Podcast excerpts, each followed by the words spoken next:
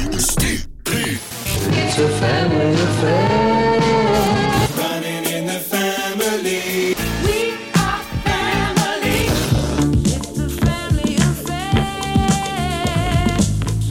It's a family a. Rick de Bruiker. België zit vol muzikale families. Families waar muziek in de genen lijkt te zitten. In deze Studio Brussel podcast ga ik thuis langs bij een paar van die muzikale dynastieën. Ik zet me bij hen in de woonkamer om het te hebben over hun grootst gedeelde passie, muziek.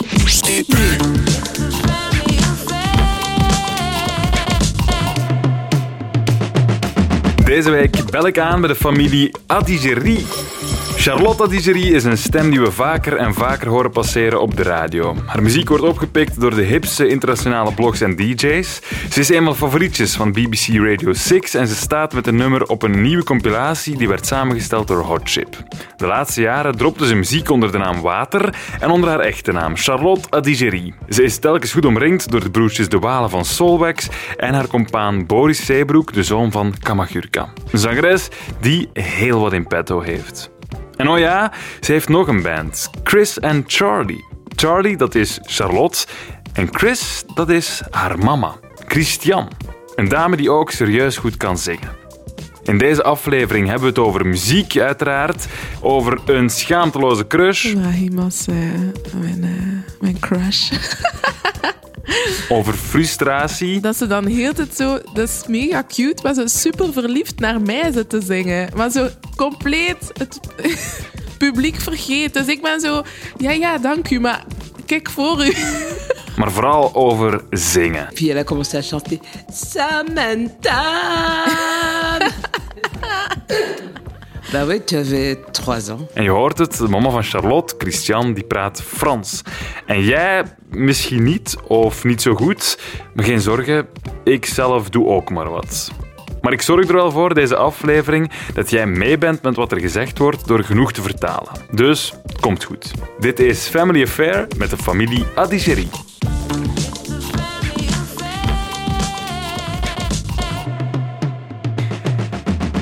Heb afgesproken in Gent, in een gezellig ingericht rijhuis vol kleurrijke prenten aan de muren. Het rijhuis waar Charlotte en haar man wonen. We zetten ons aan de keukentafel. Charlotte, mama Christian en ik. Aan tafel heb ik zicht op de keuken en als ik goed kijk in de hoek ook de platenkast. Want muziek is hier erg belangrijk. Muziek luisteren, maar vooral muziek maken en zingen. En bij de familie Adigéry wordt er gezongen. Niet zomaar gezongen, er wordt veel gezongen. Er wordt bijna non-stop gezongen. En dat al jaren. Elle n'arrêtait pas. Ja, ze stopte niet. Et quand elle ne chante pas, elle siffle. dus dan is het stopt niet. Ehm, dat de, ja, de buurvrouw zelf zo... Ja, ik eh, kan dan meegenieten van haar, van haar concerten. Dan zit ze te, te zingen in de keuken en dan zit eh, Patricia ook mee te luisteren. dus ja, dat is sterker dan, dan eh, zichzelf, hè, mijn mama. En, en herinner je dan ook die nummers? Ja, dus euh, tu chantais souvent Les Feuilles Mortes. C'est une chanson Oui, qui ressemble. Euh, veel- Il y a beaucoup de classiques français, euh, de, beaucoup de musique française, parce que ça a bercé mes, mes jeunes années, on va dire. Mais ça pourrait partir aussi de Otis Redding. en- Ah, en- Moi, je chantais tout le temps. Voilà. Même quand euh, elle était dans mon ventre, ben je, oui, je chantais tout le temps. Summertime, euh, je chantais. euh, Qu'est-ce que je chantais encore euh, Hotel California. Hotel California, quand elle avait 15 jours. Et je la prenais dans les bras et je chantais Rat Race, Bob Marley. et euh, Hotel California, elle a toujours entendu chanter. Et ça, ça avait plutôt tendance à l'énerver. oui. Elle me dit, maman, tu chantes tout le temps, ça m'énerve. Amy Winehouse. Oui, plus tard. Euh, mais euh, aussi, quand Charlotte était jeune, euh, c'était Louis, Louis Armstrong. Si bien que quand elle a commencé à écouter de la musique très tôt, euh, elle écoutait bien Louis Armstrong, Otis Redding. Au fait, il est où mon CD On va... Elle a volé la... Elle a- non, j'ai eu un accident. J'ai eu un accident et le CD était dans le CD Ah, voilà, player. donc, Donc, euh, I'm sorry. Le CD est décédé. Ah, voilà. Ah oui. Charlotte krijgt dus als baby heel wat muziek mee. Van Otis Redding tot Bob Marley en Louis Armstrong. En die laatste man zijn cd die heeft blijkbaar een auto-ongeluk niet goed overleefd. Al die muziek passeert dagelijks, op cd of gezongen door moeder Christian. En één artiest die plots heel hard binnenkomt bij de erg jonge Charlotte is Billie Holiday. Niet meteen ja, de meest voor de hand liggende kindermuziek. Ik herinner mij, ja, als jong kind, die cd, dat ik de tristesse voelde van Billie Holiday, maar dat mijn ja, kinderlijk brein dat nog niet kon vatten of zo.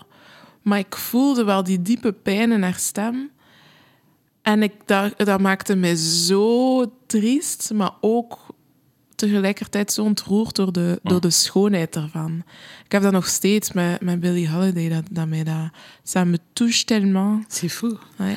Et euh, ma, ma musique première, c'est le jazz, évidemment. Et ma chanteuse de jazz préférée, c'est Billie Holiday. Ah, voilà. Et, euh, La musique comme Billie Holiday, Otis Redding, c'est pas comme Kadri et euh, Samson et Gert et toutes les choses euh, pour les enfants. hein. Non, mais je pense que Charlotte aimait cette- cette- ce genre de musique parce que je chantais ce genre de musique, elle écoutait ce genre de musique, je parlais de cette musique peut-être, je ne sais pas vraiment. Mais euh, avant de, de- de- de- de- d'écouter des musiques entre guillemets de son âge, elle écoutait déjà, elle avait déjà contact avec ce, ce genre de, de musique. Ouais, grâce à vous. Bah oui, parce que je chantais ça. I'm a fool to want you.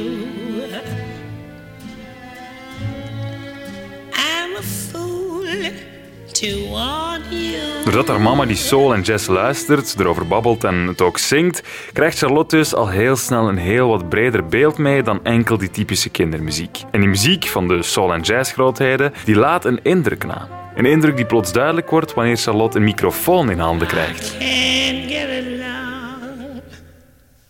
Without you.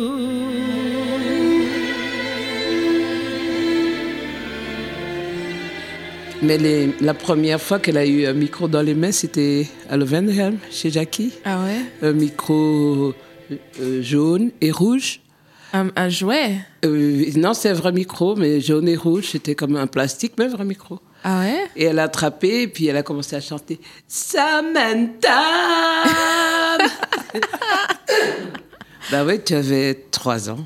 Ah, wow. Oui, elle avait trois ans. Et c'était où? À- à- ici, à, Lo- à Lovenhelm, chez euh, Jackie.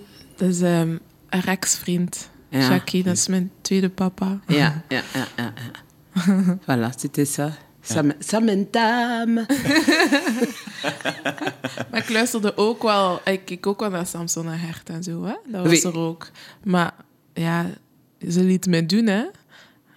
Ik herinner mij dat, dat ik eh, altijd Samson zei. Samson, Samson. J'ai dit, Mimi, c'est pas Samson, c'est Samson. Et elle commence à s'énerver parce que c'était Samson. voilà, c'était Samson, c'était à l'école, tout ce qu'on lui apprenait, comme tous les enfants. hein. Mais c'était spécial parce qu'elle elle entendait des choses qu'on dit, que la maîtresse ne disait pas. Ze hoort dus thuis muziek die haar juffen op school niet zo snel zullen opleggen voor haar. Maar ze krijgt er wel een zekere goesting door. Goesting om muziek te zingen en om op een podium te kruipen. Weet je dan nog dat je als kind dat je dat wel fijn vond om zo dingen te brengen en, en voor een publiek te gaan staan en dingen te zingen? Ehm, ja, ik herinner mij zo'n schooloptreden. Ehm, en ik moest gewoon heel de tijd met een hoepel zo... Ja, hoepel, hula hoepen. Hula hoop. En ik herinner mij dat iedereen na het optreden naar mij kwam voor te zeggen hoe goed dat ze mij niet vonden. Maar echt, echt dat was overweldigend. Hè? Tout le monde venait vers moi. Oh, t'as bien, c'était super. Maar voor mij, en dat is eigenlijk nog steeds... Ik ben mij niet bewust van wat ik doe per se, of het effect dat dat heeft of zo. Het is meer gewoon... Ja, ik weet het niet. Het is gewoon de, de, de beste plek voor mij om mij, mijzelf te uiten of zo. En ik denk dat dat als kind ook zo was. Maar bijvoorbeeld door het feit dat, dat, dat de muziek en dat zingen altijd zo aanwezig was, is dat voor mij haast een ander communicatiemiddel. Wij ook, allee, thuis, dat was, wij legden muziek op, wij dansten samen, ze speelden toneel, ehm, ze leerden mij harmonieën zingen op haar stem. Dus dat, dat was dus onze manier van, van samen te spelen. En, en dus voor mij is dat nog steeds iets dat ik mij niet echt bewust van ben of zo. Dat is er. Ehm, tot zover zelf dat ik, als mensen zeggen, ehm, je bent eh, na een optreden, amai, je, je bent zo'n goede zangeres of je hebt een goede stem, dan denk ik, ah, je hebt echt maar een fractie gevoeld of, of, of op- op- opgevangen van wat dat eigenlijk mijn intentie is op dat podium. Dat gaat niet om ik, dat gaat ook niet over mijn stem. Ik weet dat ik goed kan zingen, maar voor mij is dat niet het belangrijkste. Het gaat hem om heel het verhaal en dat verhaal overstijgt mijzelf of zo. En dat is denk ik omdat we gewoon constant hebben ja, gezongen. Dat is like een tweede taal of zo. Ja. Ja. En als kind, als je zegt dan terug naar dat optreden van, als je, hoe oud was je dan, vier, vijf of zo? Ja, ja. En mensen komen complimenten geven, ja, dat is het feit dat je daar nu nog weet, dat wil dan zeggen dat dat toch een indruk op jou heeft gehad. Ja, dat is onlangs in mij opgekomen, dat moment. Ik weet niet meer hoe dat, dat kwam. Dat heeft, tuurlijk heeft dat een impact. Want je staat daar, stonden nog twintig kindjes op dat podium. dus je hebt al zoiets van... hmm, dat wil zeggen dat ik wel vrij ben in hula hoepen. en ook wel... Ik voel ook wel... Ik heb dat altijd al gevoeld... ehm, dat ik wel iets te vertellen had of zo op een podium. Dat voelde ik altijd. Ik wist van... hmm, ik ga dat doen en dat gaat goed zijn. Alle hula hoepend kan een mens veel leren dus. Maar de passie voor bepaalde artiesten, die komt er pas wanneer ze eindelijk wat zakgeld krijgt toegestopt. muziek speelde altijd bij ons. En dan tegen mijn twaalf jaar of zo begon ik dan zakgeld te krijgen. En dan ging ik altijd singles gaan kopen ja, in de Free Record Store of een Free Record Shop of zo. En in de FNAC, maar het was duurder in de FNAC.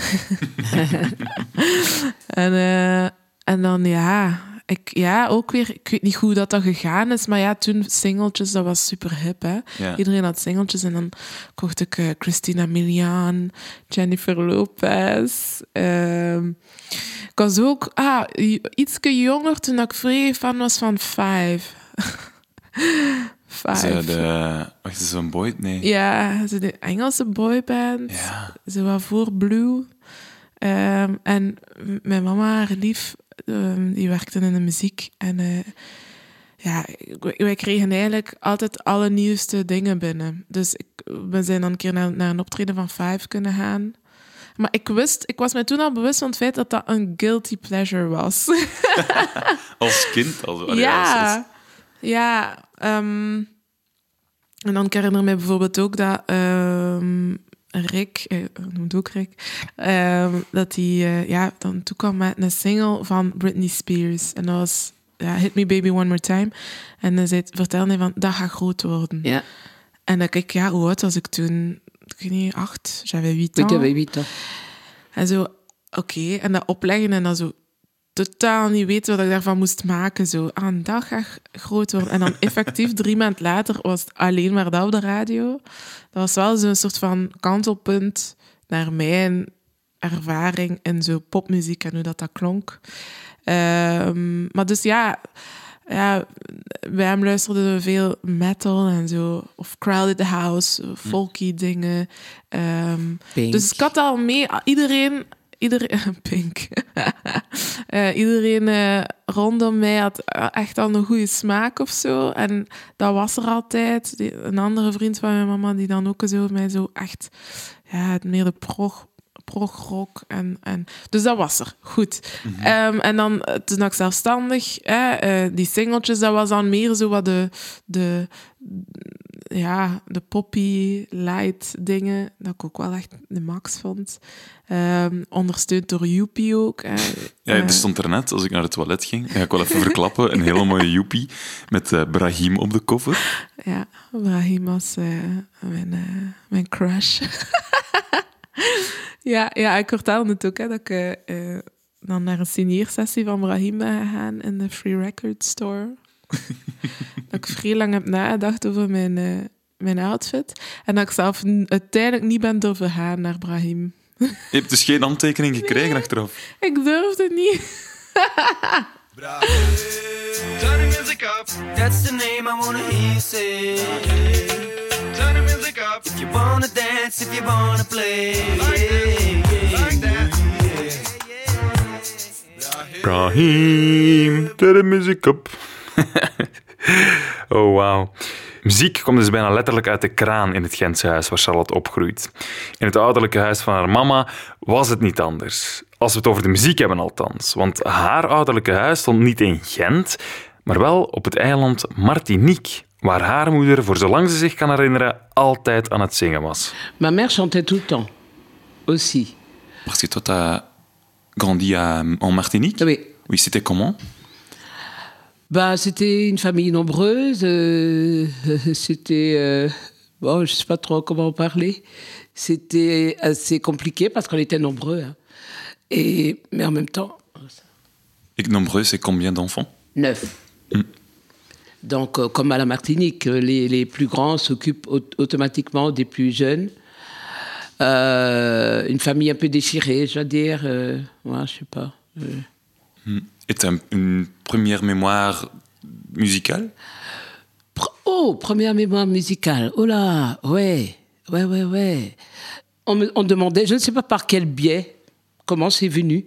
On, on venait toujours demander à mes parents pour que je chante pendant, euh, pour la fête des mères, euh, la fête des sapeurs-pompiers, euh, les, les, les réceptions à la mairie avec le, le maire.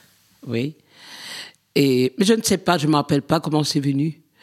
Mais ce dont je me rappelle, c'est que quand euh, j'avais quoi, 12 ans, euh, en première, euh, euh, comment? Middelbaar. Middelbach, euh, on avait du solf, on faisait du solfège. Et la cerise sur le gâteau, on, doit- on va dire, c'est qu'il y avait une partie théorique et une partie euh, chantée. Et moi, j'étais toujours la première parce que A, digérie, mon nom, euh, en pratique.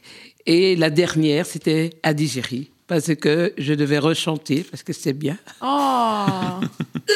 Oui, c'est quelque chose dont je me rappelle. Et puis, euh, ouais, tout le temps.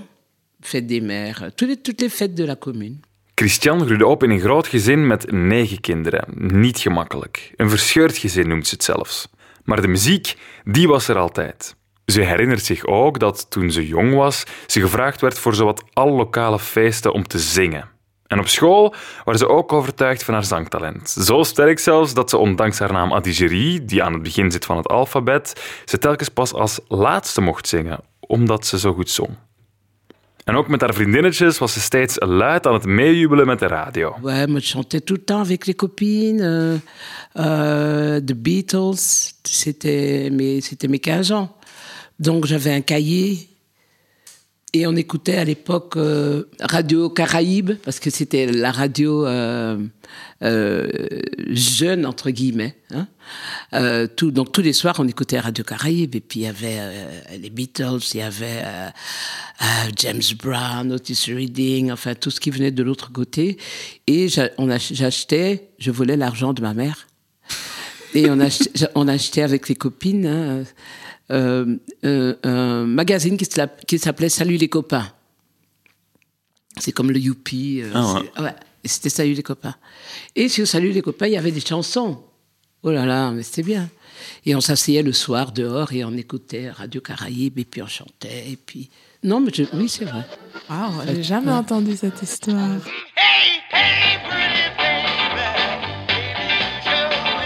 Als jong meisje zingt ze dus mee met de Caribische radio's waar ze de Amerikaanse nummers kan horen.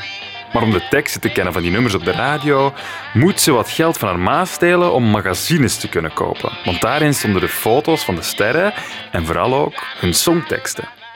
Christians moeder had een klein winkeltje waar ze ook platen verkocht. En om geld te verdienen kluste Christian erbij achter de toonbank, waar ook een mooie bandopnemer stond te blinken. À un moment donné, quand elle vendait ses disques, elle avait aussi, euh, on appelait ça à l'époque un magnétophone. Et euh, je, m'installais derrière le comptoir. Ah, ah, ah. Et je m'installais derrière, je mettais la musique et je m'enregistrais. Ah ouais? Oui, oui, oui, oui, oui, je faisais ça tout le temps. Et euh, c'était du, du- Maintenant, je me rappelle du ska, du. du, du- oui, des musiques françaises. euh, ouais. C'était pour apprendre, pour, pour... Bah, parce que je pense que simplement j'aimais ça.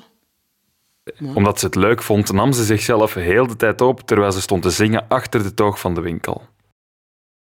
De jeugd van mama Christian die speelde zich dus af op duizenden kilometers van waar we nu zitten. Martinique, een eiland in de Caraïben. De plek waar Charlotte roots liggen. En een plek waar ze zelf ook al een aantal keer heen is gegaan. Want telkens ze een stap op het eiland zet, voelt ze zich heropleven. Ja, dus eh, geland en dan zit je nog even in de airco van het, van vliegveld, wat dat even koud is als in, in Parijs dan. En dan bam, kom je buiten.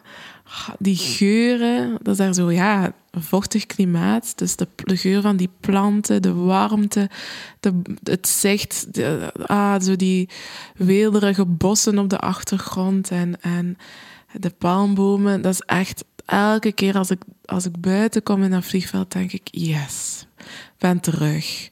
Het is een heel mooi mini-eilandje, 60 kilometer lang, 40 kilometer breed.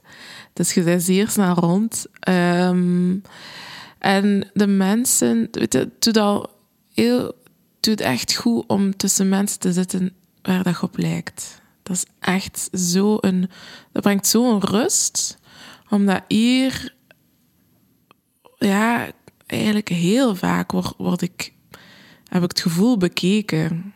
Als ik heb nu een motto, ah, oeh, eh, een, alsof dat ik de eerste zwarte ben op een motto. Ik, ben, ik heb het gevoel dat ik vaak, ja, in mijn zijn of zo anders ben of zo. Ik kan, en dat is wel vermoeiend. Dat is echt vermoeiend. Of als ik een rode, rode pruik draag, ah ja, oké, ja, dan moet ik ook weer mij mentaal voorbereiden van die blikken te incasseren of zo. Ik heb daar ook niet altijd zin in. In Martinique lijk ik op iedereen.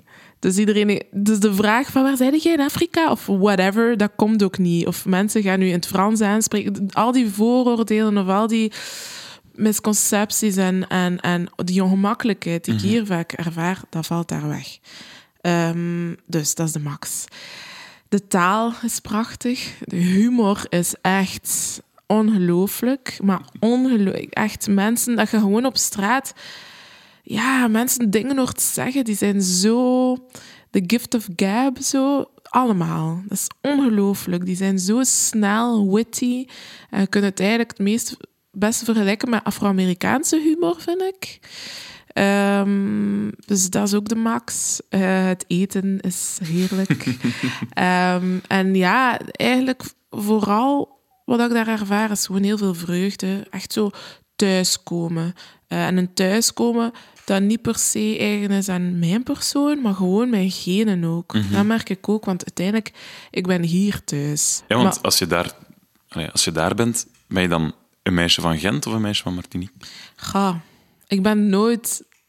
Ik ben hier geen meisje van... Ik ben... Ja, oké, voor de mensen die mij kennen en zo ben ik wel een Gentse. Je hoort dat ik een Gentse Het ben. accent verraadt wel iets natuurlijk. ja, hè? ja. valt het op? en, en, en dus... Maar in Martinique ben ik ergens ook wel de toeriste of zo. Daar zien ze het dan ook wel weer. Maar dus eh, bepaalde delen van mij komen thuis in Martinique, andere delen van mij komen thuis in België. En ja, het is een prachtig eiland. Ik zou daar echt wel kunnen wonen. Niet heel mijn leven, maar zo een tijd. Charlotte flirt dus op wanneer ze rondhangt op het eiland. Maar de laatste jaren is daar ook een ander besef bijgekomen. Een besef dat licht werpt op de duistere kant van Martinique. Iedereen is joviaal, super sociaal, ze helpen elkaar. Maar langs de andere kant is er ook een zeer grote duisternis of zo in Martinique. En het is pas eigenlijk de laatste jaren dat ik beseft van... Ja, dat land is een product van slavernij. En van... Wij, wij lopen op de botten van onze voorouders. En je voelt dat. Want ik herinner mij ook, toen ik acht jaar was, was ik met mijn mama en eh, haar lief naar een herdenkingsplaats geweest eh, voor de slavernij. En dat zijn allemaal zo gigantische, robuuste, witte ehm, standbeelden die aan de klif staan en die kijken naar de zee. En dat zou dan, denk ik, als ik het me goed herinner, een plaats zijn waar, dat er, waar dat de slaven... Schepen toekwamen. schepen toekwamen. En weer zo een tristesse die je als kind eigenlijk voelt, maar niet kunt vatten. Dat gevoel had ik toen. En ik heb dat altijd, als ik denk aan de slavernij, dan gaat dat zo diep in mij, dat, dat dat kan niet alleen van mij zijn. Dat zit echt in mijn genen. En dat voel ik ook wel enorm. En dat is ook wetenschappelijk bewezen, intergenerationele pijn en trauma, dat bestaat. En, en dat voel ik wel daar. En dat is ook iets in Martinique. Mensen hebben inherent een soort van minderwaardigheidscomplex. Is er, ja, is er een trots dan daar? Er is een grote trots. Er is ook veel om trots op te zijn. Dat is in elk land zo, uiteraard. Eh, er is een grote trots, maar er is ook een minderwaardigheidscomplex. Je moet weten dat in Martinique heb je nog altijd de slavendrijvers, dus de families, de blanke families, die bestaan nog steeds. Dus die vertikken het, die willen zich niet vermengen met de zwarten. En die bezitten eigenlijk nog steeds de, de meeste grond, de economie is eigenlijk in, in hun handen. In, in Martinique in samenwerking met Frankrijk, die zo wat de stille boosdoener is. Ehm, dus je merkt dat enorm. Je koopt een auto, veel te duur. Hè? Er is ook een soort, nog steeds een soort van neocolonialisme in Martinique. Je koopt een auto, naar wat gaat dat geld? Naar de, slavendrij- de ex-slavendrijvers, die nog steeds ervan overtuigd zijn dat zij beter zijn dan de zwarten. Ja. En die het kapitaal hebben. Ja, die al het kapitaal bezitten. Eh, en je merkt dat, wij, maar dat is met Afro-Amerikanen ook. Ehm, dus vaak ook als mensen zeggen tegen mij: eh, Ah ja, maar van waar zijn je in Afrika? Dan zeg ik: Ik ja, ben niet van Afrika meer. Ehm, ehm, ja, maar dat is toch hetzelfde? Dus letterlijk iets dat mensen zeggen. Dat ik denk: Maar dan, ik ben even Afrikaans als een Afro-Amerikaan. Maar het verschil is wel dat er een heel grote lijdensweg is- heeft tussen gezeten, die ons heeft gemaakt wie dat wij zijn. En die identiteit kunnen niet zomaar versimpelen naar ja, maar je even Afrikaans als een Keniaan. Dat is, jij bent ook niet, jij bent geen Zweed. Ik bedoel, dat is anders. Dat is een andere geschiedenis. Ehm, en ja, je merkt, hè, om daarop terug te komen, dat trauma, je merkt dat nu meer dan ooit in, in, eh, in Amerika, hoe hard het dan naar boven komt, die onderdrukking. Dus dat, dat zit er bij ons ook in. Maar dat is kleinschalig en dat wordt stilgehouden, vind ik, door Frankrijk. Ik ben nu zeer politiek aan het gaan. Maar, ehm, maar ja, Martinique is nog steeds afhankelijk van Frankrijk. Voilà. En die duistere kant van de geschiedenis, die kreeg Christian niet mee wanneer ze daar als kind naar school ging. Euh, à mon époque, si Oui. je puis dire ça comme ça. Bien sûr que non. Euh, Je peux te chanter une chanson. hein. Nos ancêtres, les Gaulois. On nous a appris, j'ai appris euh, à l'école que mes ancêtres, c'était des Gaulois. Ze hoorden op school dat haar voorouders de Gauloises zijn, de Galliërs, de blanke Fransen dus. En voor een zwart meisje is dat toch gek nieuws. Voilà. Alors tu grandis, tu fin- finalement tu vois des, des Gaulois sur un livre d'histoire et puis ils sont blancs aux yeux bleus. Quoi. Alors tu fais quoi? Tu es, Et tu te regardes, euh, oui, non, je suis pas gauloise. J'ai fumé des gauloises à l'époque, oui. mais- en fait, euh, ils ont depuis, oui, on se rend les, les jeunes entre guillemets, peut-être la génération de Charlotte, euh, à partir la trentaine, ils se rendent compte que euh, il y en a marre. En- de nous raconter des histoires, mais j'ai été éduquée dans mes parents aussi ont été éduqués dans cet esprit de la, euh, la, la pseudo supériorité euh, des béquets. Bon, les béquets sont les blancs. Ze besefte wel dat dat niet klopte, maar het is volgens haar pas de generatie van Charlotte die beseft dat het ook wel anders kan en moet. Dat de superioriteit van de blanken in Martinique niet te rechtvaardigen valt. Op haar 18 besluit Christiane om haar toekomst en opleiding elders te voltooien. Ze wil naar Frankrijk, oftewel Le Métropole. Euh, je- J'avais juste 18 ans. Et j'avais décidé que je voulais euh, pas rester. Je Oui. voulais aller étudier en France. Parce que ça se disait. Ou en métropole. En métropole. On allait en métropole. Alors je voulais aller étudier en métropole. Euh, et je suis partie. Étudier euh, l'esthétique. Helemaal alleen vertrekt ze op avontuur, duizenden kilometers van huis. En de dag dat ze aankomt in Frankrijk, die herinnert ze alsof het gisteren was. Want die dag is niet meteen fantastisch te noemen. Integendeel zelfs. Horrible. oui, j'arrive, euh, il fait froid, euh, je connais personne, euh, on vient me chercher, on me dit plus ou moins où, et je, je, je, il y a un monsieur, un ami de mon père, qui vient me, me chercher, que quelqu'un que je ne connais pas, et ce monsieur c'est un militaire, donc il est très strict, il a une apparence très froide comme ça. Et je me rappelle, euh, je mange chez lui du steak et puis quelque chose que j'avais jamais mangé, c'était une salade de chicon avec des, des, des, des échalotes dedans. Oh, ça faisait très bizarre. C'était, oui, ça je vais jamais oublier. C'était mon premier repas à midi, mais c'était tout carré, tout strict. Et j'ai dit, mon Dieu, c'est ça. Oh là là, j'étais pas bien. Het is er koud, ze kent niemand en de man die haar ophaalt, een vriend van haar vader, is een strenge militair. En het eten, dat is ook al niet veel soeps. Voor een meisje van Martinique is witloof niet echt een godemaal. Ze gaat er wonen in een Spaans studentenhuis. Maar die eerste dagen die zijn vooral een shock. Ze loopt er verloren als enige zwarte leerling bij de zusters. et j'habitais dans un foyer de religieuses espagnoles. Olé Et puis le lundi, je vais à l'école. Yes. Et bon, j'ai 18 ans, ben oui, je suis perdu, hein. un Indien dans la ville. Et euh, ouais, voilà, je, ouais. c'était mon premier contact avec, euh, avec la France, La métropole. avec la métropole, ouais. Et C'était en, en 70. En 70, oui. Euh, novembre 70. Stel je voor, als 18-jarige alleen toekomen in een land waar je niks of niemand kent.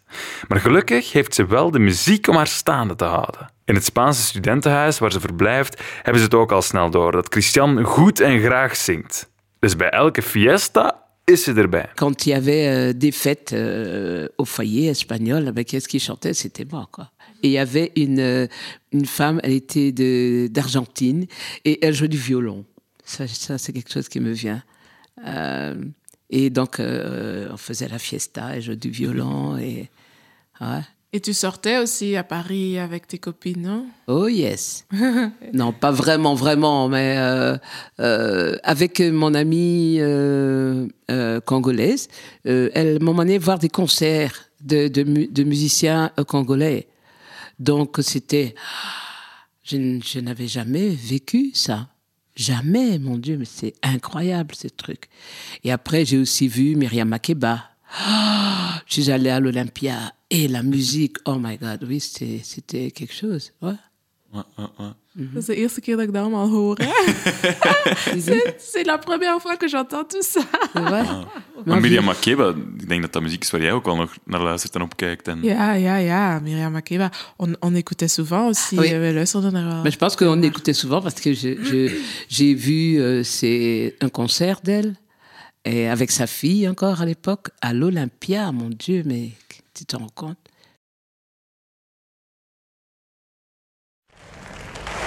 Dankzij een Congolese vriend belandt ze op verschillende concerten in Parijs. En zelfs één avond op het concert van Miriam Makeba in de Olympia, een legendarische zaal in Parijs. Een concert dat later ook best legendarisch genoemd mag worden. En Christiana Digeri, die is daarbij.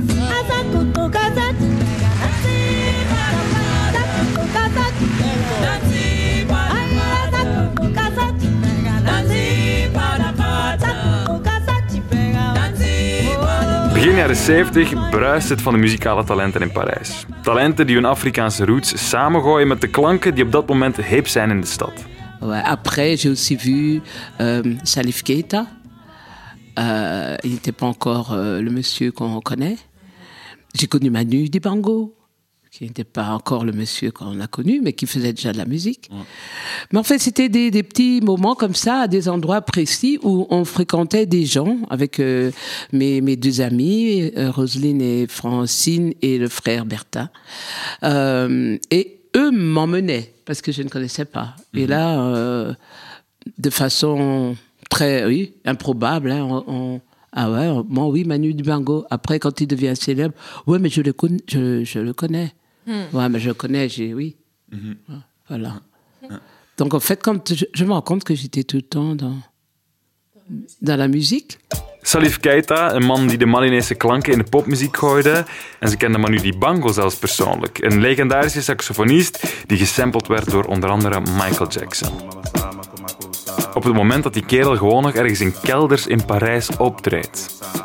Euh, Quand euh, j'ai vu plusieurs fois Manu Dibango, euh, c'était au 44 rue Vieille du Temple et c'est un- un- une boîte de nuit qui s'appelait Le Chevalier du Temple et c'est la première fois où, dans ma vie j'entrais dans une boîte de nuit, c'était dans une cave.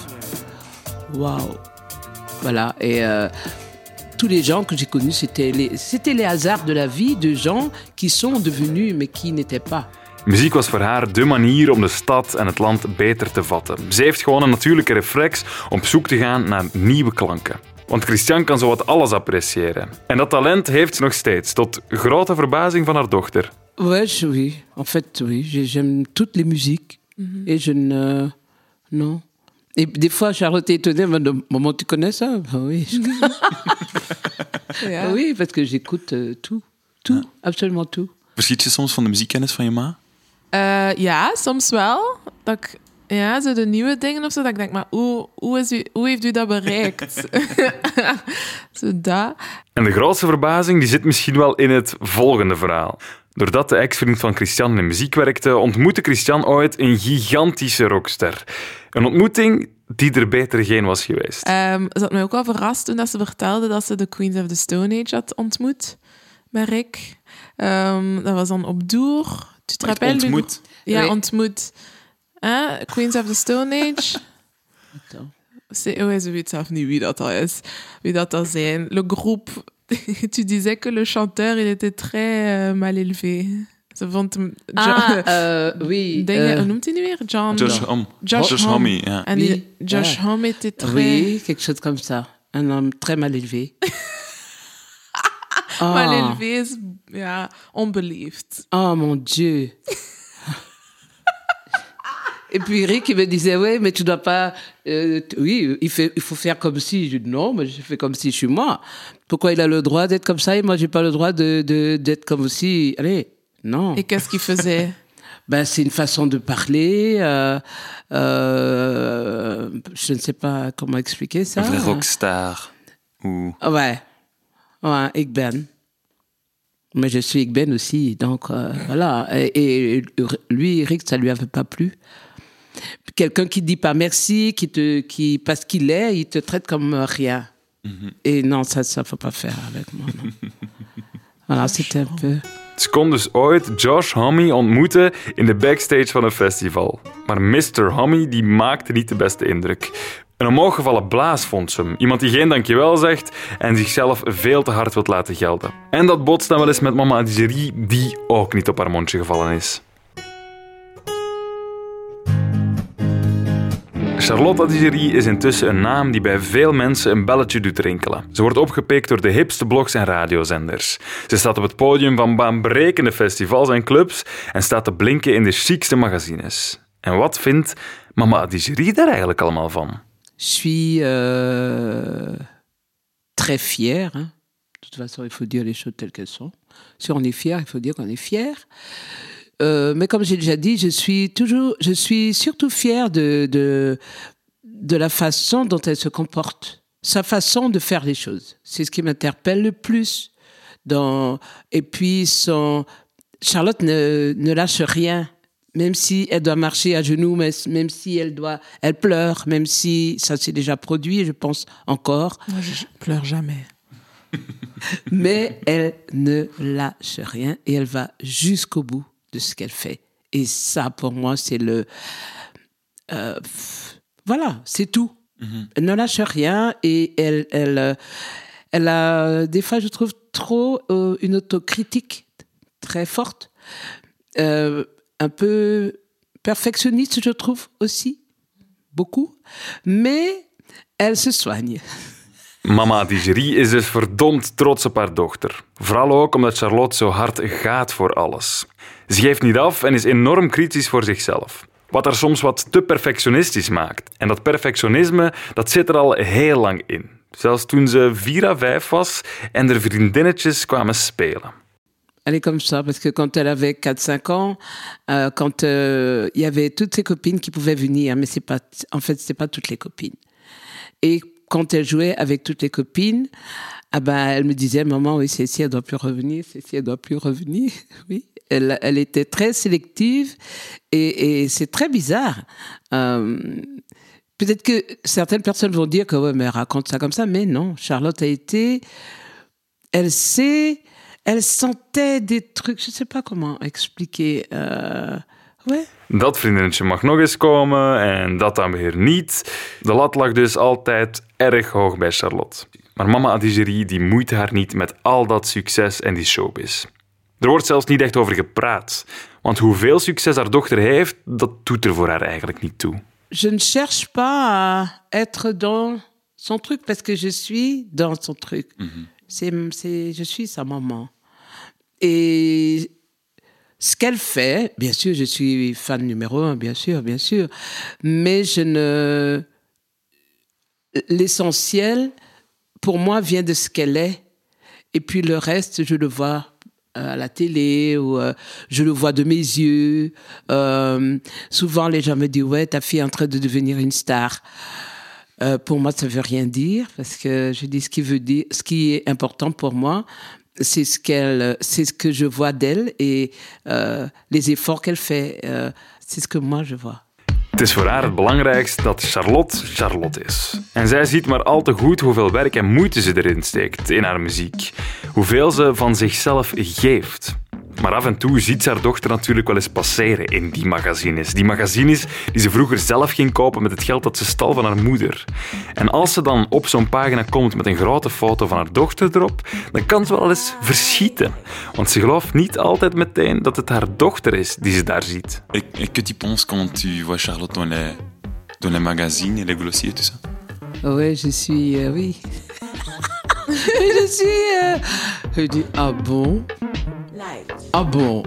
Et puis, quand je la vois, effectivement, je me dis Oh my God, ah mon Dieu, comment. Oui. oui. Parfois, Oui, tu cries. c'est- Oui. Non, Oui. on se met Ah ouais, parce que je- j'ai du- j'ai du mal, des fois, à, à, me, à réaliser que c'est Charlotte, quoi. aussi. et, et- et ce qui m'in- m'interpelle le plus, c'est ce qu'elle transmet quand elle est là, sur le podium. En ook bij optredens staat ze vaak verbaasd te gapen naar wat er gebeurt. Meestal kijkt ze zelfs niet de hele tijd naar Charlotte, ze kijkt vooral rond haar. Naar de mensen en hoe die reageren op wat haar dochter doet.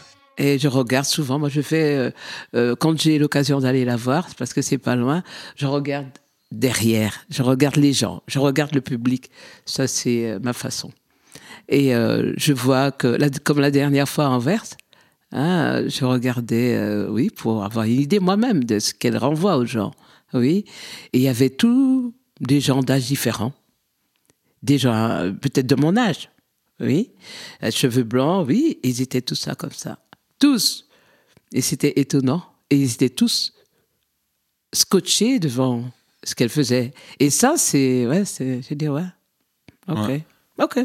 Ouais. Parce qu'en live, Charlotte, c'est une, euh, comment on dit, un boost d'énergie. Oui, tout à fait.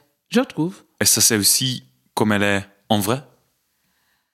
Euh, oui, elle, elle booste d'une autre façon. Mais c'est toujours la même personne. Ce qu'elle transmet, elle le transmet, euh, oui, c'est c'est elle. Euh, mais quand elle est sur scène, c'est autrement, bien sûr. Je crois que c'est. Est-ce Ouais. que je suis plus calme, non? D'habitude? Ouais. Oui. Sur scène, tu es plus calme. Non. Ah, ok. Non, Heureusement. mon Dieu, mais oui, euh, des fois je me dis, mais euh, euh, au début, on, on peut penser, euh, surtout à une certaine époque avec un screen. Euh, Water. Putain, elle a, elle a appris quelque chose ou quoi? Parce que il y a quelque chose d'autre qui sort. Et puis, mais c'est toi. Et c'est, c'est- Non, c'est la- de l'héroïne, maman. Ah, de l'héroïque. Ouais, comme les vrais rockstars, c'est Ouais. Oui, de l'héroïque. ça. Comme Josh Homme euh, tout ça. Oh, Josh Homme, voilà, c'est Ouais, mais oui, oui, c'est, c'est incroyable. ouais, c'est, c'est- Charlotte, elle vit ce qu'elle dit. Et mm, oui, ça me transperce à chaque fois. Parce que c'est pas parce que c'est ma fille. Je dis souvent. Charlotte leeft wat ze zegt volgens haar moeder. En dat vindt ze erg straf ook. Ondanks het feit dat ze soms denkt dat haar dochter tijdens een liveshow drugs genomen heeft. Begin jij anders aan een optreden als je weet dat je mama in de zaal staat? Eh, nee. Nee, nee, nee. Dat is voor iedereen hetzelfde. Soms denk ik ook, ah ja, zeker als mijn papa kwam kijken. Zo van, ah ja, je bent misschien te... Ik weet het niet. Zo ja, als ze zo je helemaal laat gaan en je vrouwelijkheid en dan en je die zo zit.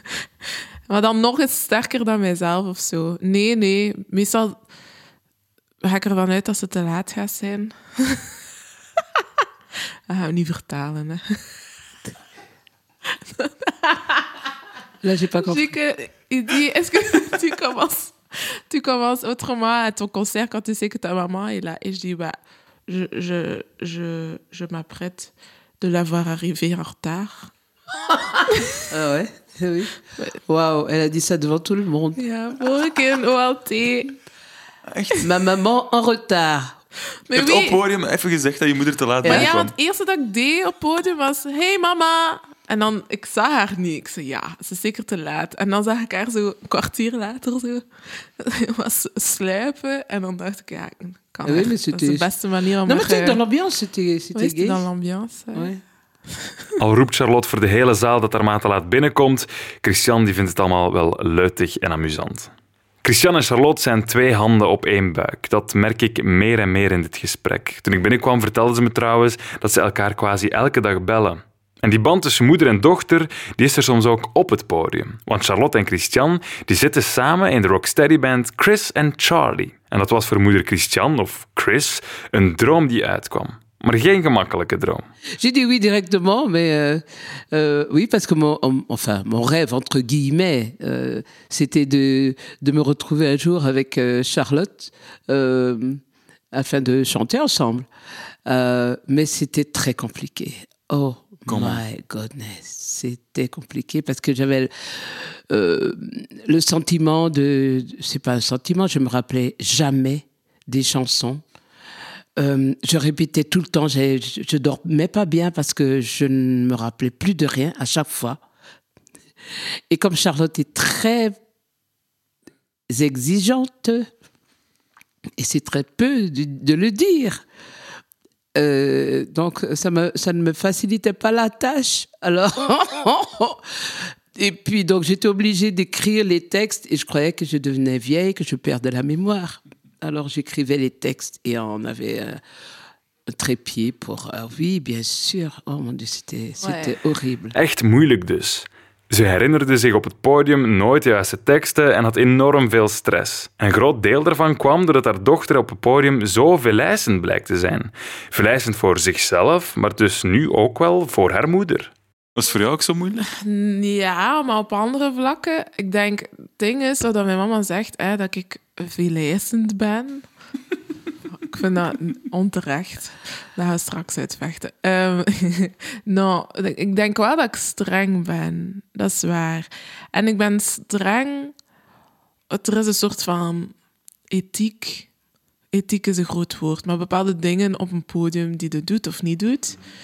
En, maar daarbij komt nog een keer dat dat met je mama is. Ja. Dus, en ik merk dat wel, dat, en dat, dat, dat, dat komt uit een zeer goede bedoeling of zo. Dat is een zeer goede bedoeling, maar ik, merkte dat, ik merk dat ik streng ben voor mijn mama. En dat is iets dat wij soms, dat botst, omdat zij, zij dat kwetst haar. En dan besef ik ook van, oh nee, ik ben weer zo streng voor haar, maar dat... dat is echt gewoon omdat ik het beste wil voor haar of zo, maar dat ik ook moet leren van los te laten en haar gewoon zichzelf laten zijn. En dat is ook, denk ik, een fase als je volwassen wordt, zijt, hè, je hebt de twintig, je hebt je leven, je moeder leidt haar leven. En dat, ik merk dat bij al mijn vriendinnen dat dat, dat, dat zo'n leeftijd is waarop dat, dat botst, dat je echt moet loslaten ook. Dat je Ja. wel nog kind zijt van, maar niet meer een kind zij. Maar ook je moeder moet laten in haar keuzes. En op, op wat ben je dan streng als je met je ma op het podium wel. staat? Op het podium, ja, uitzeg dat dan dus dubbel. Omdat ik denk, ik wil dan dat zij ook gewoon op haar gemak is. Dat ze, eh, het is contradictorisch dan wel, maar eh, ehm, dat ze haar kan smijten. Maar dus mijn mama heeft niet meer, ze heeft al lang niet meer opgetreden. Ja, voilà. Dus de bepaalde dingen, om dan terug te komen op die ethiek. Als, ehm, bijvoorbeeld, dat ze dan heel tijd zo... Dat is mega cute, maar zo super verliefd naar mij zit te zingen. Maar zo compleet het publiek vergeet. Dus ik ben zo... Ja, ja, dank u, maar kijk voor u. maar echt een heel nummer lang gewoon zo la la la naar mij. Of zo. Of zo. En, dan, en, en daarom dat ik ook... eh, Het woord ethiek, dat is relatief. Want dat moet dat niet... eh, Je moet dat met een korrel zout nemen. Ik vind dat alles kan op podium. Alles kan, maar het gaat dan om een bepaalde ehm, zelfzekerheid. En als je fout maakt, moet je niet oei doen. Of je hand voor je mond, of zo. Dat tonen. Ik heb zoiets van, own your flaws, own it. En mijn mama zou het dan zo blokkeren en dan, ah ja, ja, ja, sorry. eh, alleen niet sorry zeggen, maar Ja, zo. nee. En dan denk ik, laat u, ah, laat u gewoon, let it go. Ja, ik, je sais que la façon dont je le communiquais, c'était pas, c'est pas toujours facile. Mais en fait, ça pouvait ne pas paraître facile parce que, comme tu as dit tout à l'heure, je ne, je ne, je n'a- je ne faisais plus rien. euh, Ah oui, tu en, jouais en termes de musique. ouais. Donc j'avais perdu un peu, mais totalement, le, le, le sens d'être sur un podium. euh, euh, oui, oui, j'ai la capacité de chanter juste. Voilà. Et dans un- euh, à, la, à la fin, ça se limitait à ça. Et avec Charlotte qui a l'habitude, qui, qui, qui est déjà là où je ne suis plus du tout, où j'ai jamais été, ça me posait problème parce que euh, elle, elle savait de quoi elle parlait, elle savait. Et moi, à la limite, je ne savais, je découvrais quelque chose d'autre. Mama Christian vertelde net dat het ook voor haar zo moeilijk was. Omdat ze het wat verloren was geraakt. De manier van hoe je te gedragen op een podium. Want ze weet wel hoe ze juist moet zingen, maar daar stopte het ook vaak bij. Terwijl Charlotte veel verder staat dan haar op dat moment. En dat levert haar dus een pak stress op. C'est un peu le stress. Ah oui. Parce que c'est toi aussi, tu voulais avoir le même niveau peut-être euh, Ah sur ben non, je scène dirais pas qu'elle non, je dirais pas comme ça, le même niveau, non. Mais euh, qu'elle soit euh, fière de, de ce que je fais, qu'elle soit à l'aise de ce que je fais et que moi je me sente bien dans ce que je fais. Mais je ne, je ne retrouvais pas ce truc. En fait, oui, je crois que oui, je voulais qu'elle me qu'elle voit que je suis à la hauteur, pas à la hauteur de ce qu'elle fait, mais qu'on est sur le même truc. Et je n'y arrivais pas, mais c'était horrible au début. Allee, Ah ouais. dat is ook... eh, c'est la première fois que tu me... Eerst keer dat het wordt uitgesproken. Ja, hè. auw. Ça me touche. Die stress zorgde er dus voor dat Christian zich niet op haar gemak voelde op dat podium. En dat op het gemak zijn heeft ze nodig om een bepaald niveau te halen. Dat moet niet meteen hetzelfde niveau zijn als haar dochter, maar tenminste wel het hoogste niveau dat ze van zichzelf weet dat ze aan kan.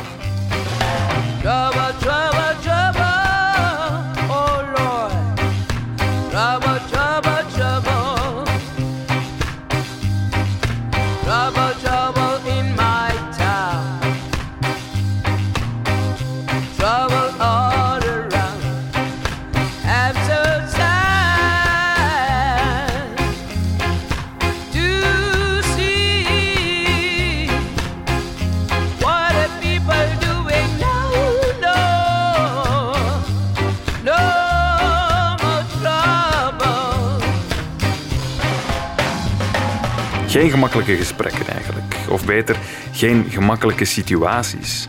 Maar alsnog besloot Charlotte om voor haar aankomende plaat een nummer op te nemen met haar moeder.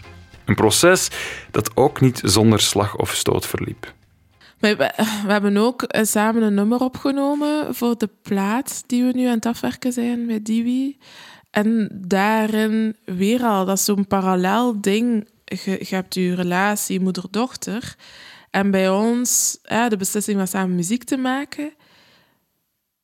De, de problemen of de wrijvingen die, die je hebt in die moeder-dochterrelatie uiten zich ook in die relatie in de studio. En eigenlijk wat mijn mama nu vertelt, in de studio, c'était la même chose. Hè? En dat ik gewoon niet merk ook dat mijn mama wil tonen aan mij dat ze capabel is. Terwijl voor mij is ze meer dan capabel. Tu es plus que capable. Voor mij is het meer gewoon, laat het los. Oui. Dus, dus dit is hier de plek bij uitstek om je volledig te smijten. En dan zie ik haar zo helemaal crispé. Et moi, j'ai envie de te dire, allez, mais non, lâche. C'est la seule chose que tu dois faire parce que le reste, tu sais le faire. Ah oui. Maar, en ja, dat raakt me dan, hoe schoon is dat niet? Dat moeder wil goed, zo goed wil doen voor haar dochter. Terwijl dat ik denk, maar ik, jij, tu n'as pas besoin de ma bénédiction ou de ma, mon, ma, ma reconnaissance parce que je te vois. Ik zie haar in Oui, al oui, haar oui. schoonheid en in al haar capaciteiten. Ja. Mais je voyais pas ça comme ça. Ouais. Je dois pas décevoir ma fille. Je ne dois pas décevoir ma Allee. fille. Et à un moment donné, elle me dit, bon, ça commence à devenir compliqué. Christian wil haar dochter dus vooral niet teleurstellen. Zo fel dat het op een moment in de studio gewoon heel erg lastig en moeilijk wordt. Waar ze vroeger alles in één take kon opnemen, lukt het daar in het bijzijn van haar dochter plots niet meer. Et je, je me dis, mais pourquoi quand j'allais en studio, c'était, comme je disais, waouh, one take, et c'était bien. Et pourquoi avec elle, ça marche pas Et à un moment donné, on parle, on parle, et me dit, elle me dit, maman, mais qu'est-ce qui te gêne vraiment J'ai dit, toi. Et elle est partie, et c'est- ça a marché tout de Ouais. suite. Parce que c'était, voilà. Dat is Boris en, mijn mama hebben Très dat bon ça. En ik ben naar beneden wat gaan zitten. Maar dat was echt gewoon omdat ik merkte van... Dat is zo raar, want dat is zo'n soort van ding dat erin zit. Dat, Ja. dat, een knoop die zich harder en harder vastmaakt. Ja. Dat ik zeg, ah, dat moet je zingen. Dit is de harmonie. Da, da, da, da. En dan, ze doet het en het lukt niet. En dan begint ze... "Ah, maar ik zie dat dan in haar ogen, maar ik, ik, ik kan dat toch? En, ik, en, en dan zit ik te kijken naar haar van, natuurlijk kun jij dat. Huh? Wat, wat, wat, allee, kom, zet u erover, doe het opnieuw. En dan, ah nee, nee, het gaat niet, het gaat niet, het gaat niet. En, en dan, dat was verschrikkelijk. Dat was echt niet leuk. En ik denk dat mijn mama, à un moment donné, tu as Oui, j'ai pleuré, hè? Oui. Ze heeft gewoon gehuild, omdat die zo... Dat was zo heftig. Maar sch- de schoonheid dan van heel het ding is dat nummer echt gaat over ehm, moeder-dochterrelatie. Het heet Ishmoin en dat, dat is Creools voor mijn kind. En het is eigenlijk een conversatie tussen mijn moeder en ik. Mijn moeder die, die of ik eerst in de eerste verse die vraagt van wat is het voor hoe, wat is vrouw zijn voor u? Wat symboliseert dat? Wat is moeder zijn voor u? En dan het refrein is eigenlijk wij die tegen elkaar zeggen van ehm, zie jezelf graag zoals dat je dochter graag ziet. Of zie, zie, dat zij die dan tegen mij zegt van zie jezelf graag zoals dat je mij graag ziet. En aanvaard. Dus het is zo'n soort van ehm, ja, moeder-dochter en vrouw zijn en dat allemaal kunnen, zeg je dat? Eh marié, verzoenen, dat is het woord dat ik zocht. Dus dat is dan wel zot, krachtig ook, therapeutisch, dat dat allemaal naar boven komt. Que tout ça vient à la surface au moment... Alsof het moest Ja, het bovenkomen op dat moment. Ja, en dat heeft heel veel losgemaakt bij ons. Want wij zijn echt altijd twee handen op één buik geweest. On a toujours été comme ça. Vrai. En, en nu, ik ben 30 geworden en ik we merkten dat de communicatie stroef liep de laatste jaren. En dat dat kwam uit alle twee alleen maar goede intenties, pardon, maar elkaar gewoon niet begrijpen. En, en dan nummer en al wat erna kwam, heeft dat gewoon weer helemaal losgemaakt of zo. En ja, ik bedoel, familiebanden, eh, dat, dat, dat, zijn fa- dat komt in fases, hè, dat, dat, dat verandert. En dan past je dat aan en communicatie is een goed hulpmiddel. En muziek ook. Dat muziek een sterk bindmiddel is, dat is me heel deze podcastreeks al duidelijk. Maar hier misschien wel het meest. Samen een nummer maken tot huilens toe, dat is straf. En nu het nummer er is, moet dat ook verdomd spannend zijn om het eindelijk aan mensen te kunnen laten horen. Zeker ook voor Christian. Bah oui, évidemment. C'est, c'est, oui, je suis curieuse de voir euh, la réaction des gens. Oui. oui, oui, bien sûr, bien sûr, bien sûr. Plus que, hein, d'autant que C'est aussi un peu un rêve d'avoir une, une chanson sur le projet de ta. Ah oui, ça fait, oui, oui, oui, ça j'ai toujours dit. Ça, c'est mon plus grand truc serait de, de faire quelque chose avec toi. Bon, la, la, la première partie a eu lieu avec Chris and Charlie. Et la deuxième partie a déjà eu lieu. En fait, euh, oui, elle réalise mes rêves. bah oui, puisque la deuxième partie, c'est toi, avec cette chanson, Ishmael. Eh ben oui, je suis, oui, je suis curieuse. Très, très, très. Een dochter die de dromen van haar moeder kan verwezenlijken. Hoe schoon. Eerst met de band Chris and Charlie en nu met Ishwan. Het nummer waarop ze samen zingen en dat op de nieuwe plaat van Charlotte zal staan. Dit was Family Affair met de familie Adigeri.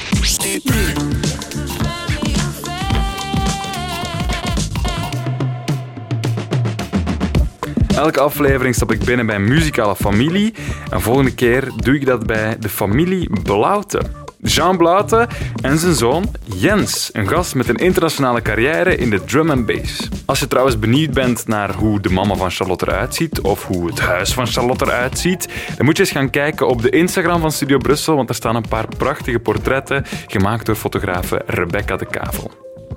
Ik ben Rick de Bruiker. Eh, ik hoop dat je het fijn vond. Als je het fijn vond, mag je de podcast altijd delen met je vrienden. Of je mag sterren achterlaten in je favoriete podcast-app. Of de podcast volgen. En dan krijg je die aflevering van Jean Blaten en zijn zoon sowieso binnen. Ah ja, je mag me trouwens ook laten weten wat je ervan vindt. Via Instagram, stuur me maar een berichtje. At Rick de Bruiker, kan je me zo vinden. Voilà, zorg dan nog goed voor jezelf. En jawel, voor je familie. En tot de volgende.